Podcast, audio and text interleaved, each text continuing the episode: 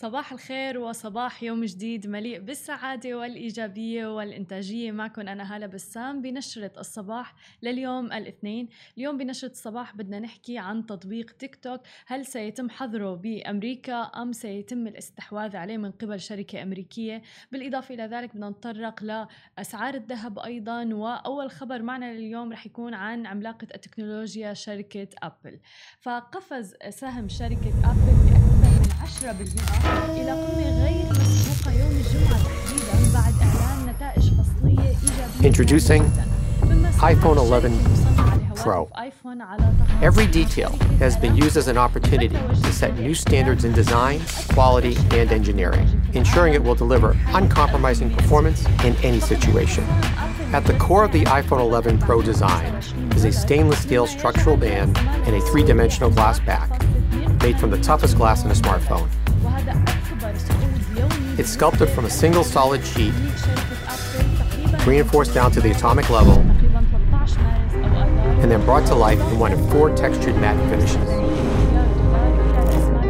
The enclosure is designed to withstand what life can throw at it. Rigorous testing and refining have helped create a durable, dust, and water-resistant iPhone.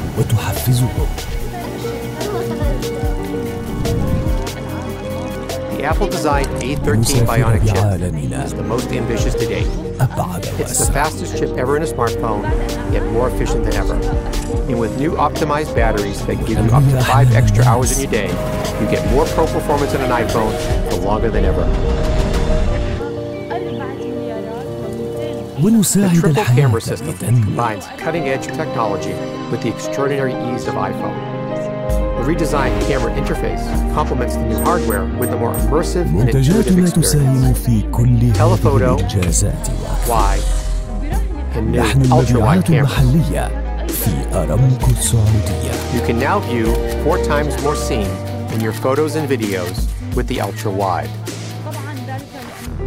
All new night mode allows you to capture images never before possible on an iPhone in drastically lower light.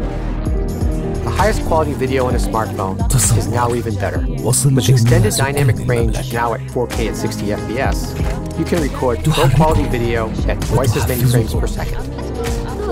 Editing tools previously reserved for photos now make editing your videos a pro level experience. Perfect and then play back your footage الأخيرة بين تطبيق تيك توك التابع للشركة الصينية بايتانس وأمريكا وكان أيضا الرئيس الأمريكي دونالد ترامب عم بيضغط على تيك توك لحظره لأن التطبيق بنظره يهدد الأمن القومي لبلاده. ويقول ترامب أن التطبيق يتجسس على المعلومات والبيانات. وتحديدا يوم الجمعة 31 يوليو قال ترامب أنه يعتزم التوقيع يوم السبت على أمر تنفيذي يحظر تطبيق تيك توك في أمريكا رسميا. وهذه الخطوة ستمثل ضربة كبيرة لشركة بايت دانس الصينية التي أصبحت من بين عدد قليل من التكتلات الصينية العالمية بفضل النجاح التجاري والعالمي لتطبيق تيك توك. مع العلم أيضا أنه لدى تطبيق تيك توك ما يصل إلى 80 مليون مستخدم نشط شهريا في الولايات المتحدة الأمريكية وحدها. ولكن مع كل هذه الضغوطات استغلت الموقف شركة مايكروسوفت الأمريكية وأكدت أيضا أنها تجري محادثات للاستحواذ رسميا على تطبيق تيك توك. وسيتم التوصل إلى اتفاق بحلول 15 سبتمبر منذ هذا العام. وقالت مايكروسوفت أيضا أنها ستضمن نقل كل البيانات الشخصية للمستخدمين الأمريكيين لتطبيق تيك توك وبقائها أيضا في الولايات المتحدة الأمريكية.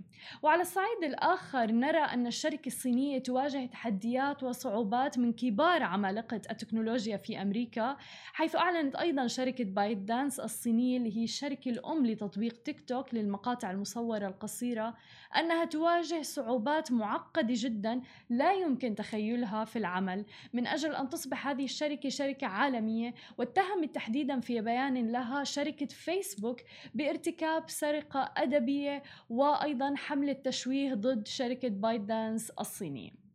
وإذا بدنا ننتقل إلى الذهب.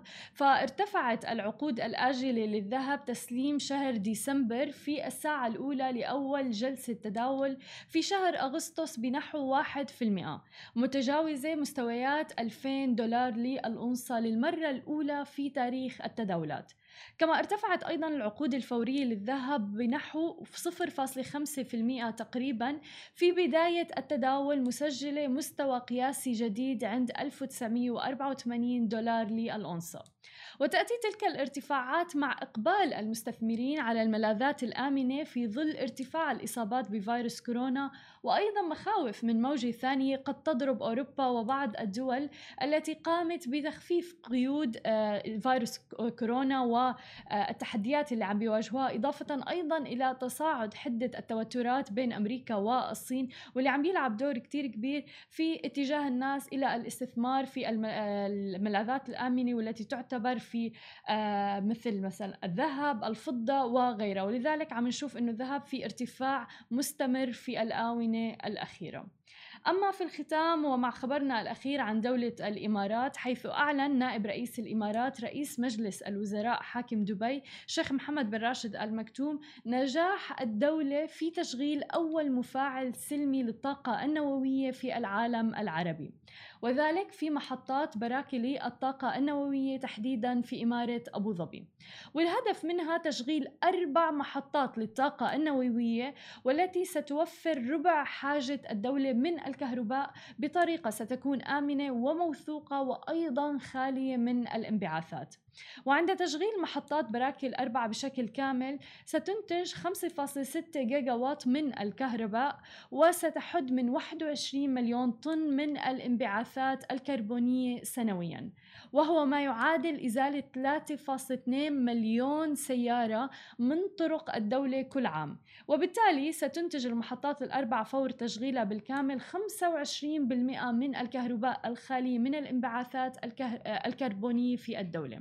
وقال الشيخ محمد بن راشد المكتوم أن الإمارات تريد استكشاف المجرة وهذه رسالة للعالم بأن العرب قادرون على استئناف مسيرتهم العلمية ومنافسة أيضا بقية الأمم العظيمة وأن أكيد لا شيء مستحيل. طبعا آه، مثل ما عم نشوف الآن مع القيود الحركة آه، وبسبب فيروس كورونا وانتشاره يمكن هذا الجانب آه، المضيء أو الإيجابي من فيروس كورونا العديد من الناس ما كانوا عم بيستخدموا سياراتهم آه لذلك آه تحسن الهواء تحديدا بدولة الإمارات بنسبة 45% وأكيد مع آه الآن مثل هذا الاكتشاف بدولة الإمارات وهذا المشروع الممتاز رح يأيد الوضع في البيئة وحتى الهواء بشكل جدا كبير. ويعني آن الوقت أيضا أنه كلياتنا سواء كنا أفراد أو حكومات أو مجتمعات أنه إن نضع يدنا يدا بيد ونساعد هذه البيئة أو الكوكب اللي نحن عايشين فيه آه، بأقل الاحتمالات بتخفيف مثلا استهلاك آه، المياه الكهرباء أو حتى السيارات قدر الإمكان. هذه كانت كل أخبارنا الصباحية لليوم. ما تنسوا تتابعونا على كل مواقع التواصل الاجتماعي الخاصة بسماشي TV. تسمعوا البودكاست تبعنا وتنزلوا ال application. نهاركم سعيد.